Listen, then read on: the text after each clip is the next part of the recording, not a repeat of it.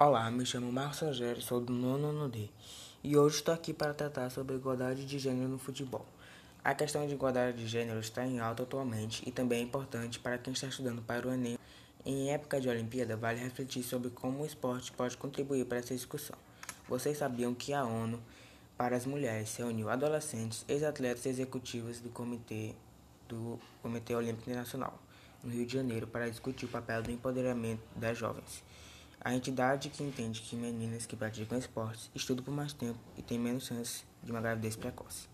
Segundo a ONU, apesar do poder de incentivar autoestima, confiança e resistência na adolescência, período em que meninos procuram se encaixar na cultura e tradições locais, metade abandona o esporte neste período, índice seis vezes maior que os meninos. Uma atleta chamada Marcele Vitória de Mendonça, de 16 anos, treinava handball num projeto de um projeto que se chama Uma Vitória Leva a Outra, desenvolvido pela ONU Mulheres no Rio de Janeiro. Ela era moradora da Cidade de Deus, uma comunidade pobre no Rio de Janeiro. Por causa de dificuldades financeiras e de outros interesses, ela quase desistiu. Foram as suas colegas de time e o seu treinador de futebol que a encorajou a permanecer no projeto, exaltando seu potencial, sua qualidade como atleta, bus e buscando ela para que elas fossem para que ela fosse treinar. Marie, Mar, Marciele, Marciele falou, de, falou em uma entrevista. Cheguei, cheguei a sair, mas meu treinador conseguiu passagem de ônibus para ir e assim decidi ficar.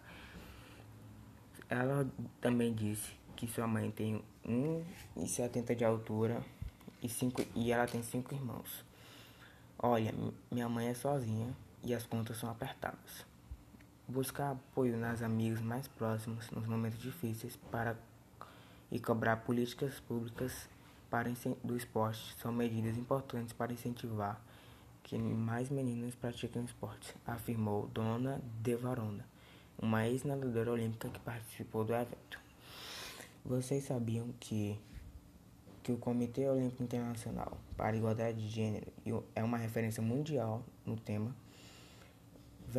Verona ressaltou que as mulheres ainda lutam pelas mesmas condições de igualdade no esporte, como apoio para o treinamento e cargos nas organizações. Ela acredita que muito já foi feito e que as atletas atualmente têm melhores condições que as antecessoras. A norte-americana citou a luta em seu país para que universidades recebessem atletas mulheres, oportunidades dadas somente aos homens. Foi preciso passar por uma lei ela, ela fala. A medida que abriu as portas para que pudessem ser advogadas, médicas, executivas e atletas. Estou muito orgulhosa de Nauá. Posso ir para os Estados Unidos treinar, lembrou.